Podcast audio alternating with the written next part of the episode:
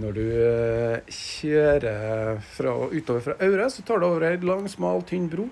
Og da kommer du til Skarsøya. Og kjører du enda noen meter eh, bortover stranda der, så kommer du til noe som heter Rømsettrøa.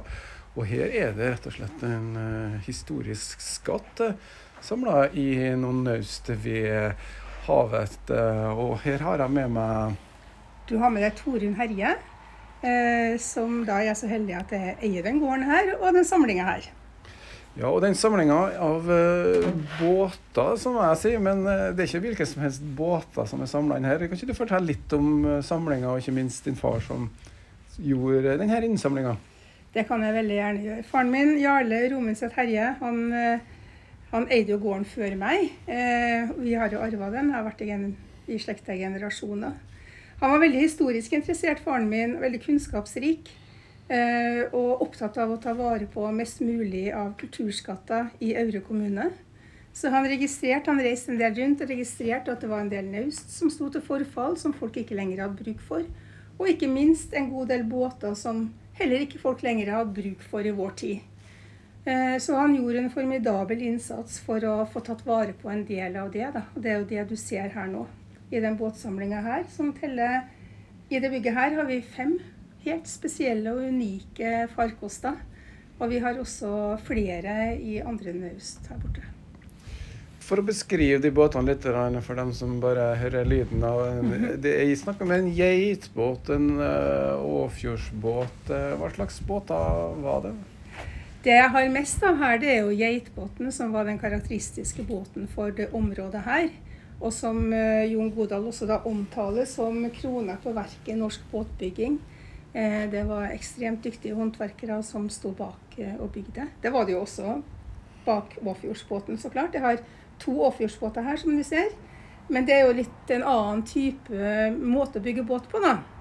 Eh, andre materialer som gjerne er brukt, det kan være gran i Åfjordsbåten, men i geitbåten så var det furu. God nordmørsfuru. Og teknikken var også en annen. Her brukte de da øks så bordene ble veldig tjukke. Og båten ja, forholder seg på sjøen på en helt annen måte enn Åfjordsbåten. Hvor bordene da er øksa og tynnere, og som du ser en helt annen type konstruksjon. da. Det er jo da båter som uh, man uh, kunne gjerne ro på fiske med, men det var også seil på dem, sånn at de gjorde at de kom seg ut. Og det er, jo båter som er brukt fram på 1900-tallet som en arbeidsbåt, uh, ikke sant? Det er det her. I samlingene mine så har jeg jo den Åfjordsbåten som står her. Den rodde faktisk oldefaren min fiske opp i sjøen med. og når det gjelder den store Torskarnsbåten her, som vel er den største geitbåten som er bevart i området her, da så ble jo den brukt på storhavet på Veidholmen og rundt. Og det gjelder jo flere av båtene her. Og I tillegg så har jeg jo da en båt litt lenger inne her, som også da var en kirkebåt og føringsbåt.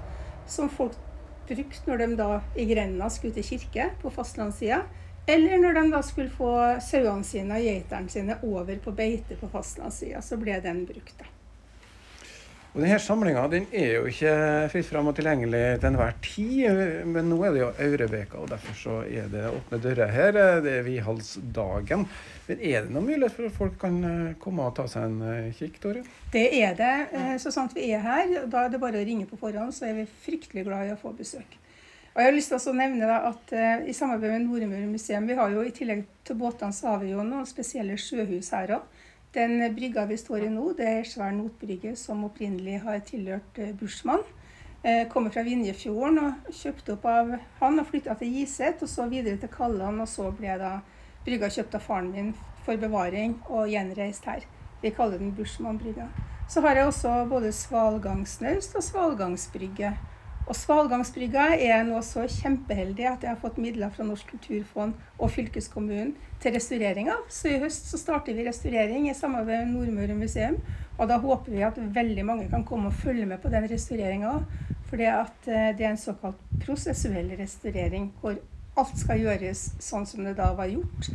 Både med hensyn til bruk av material og redskap osv. Og, så og der er det masse kunnskapsformidling som mange kan ha glede av å få med seg. Så er du nå interessert i geitbåter eller båter generelt, eller historien, så er det altså bare å ta ta kontakt med Torunn Herje. Er. Ja. Skal vi stoppe?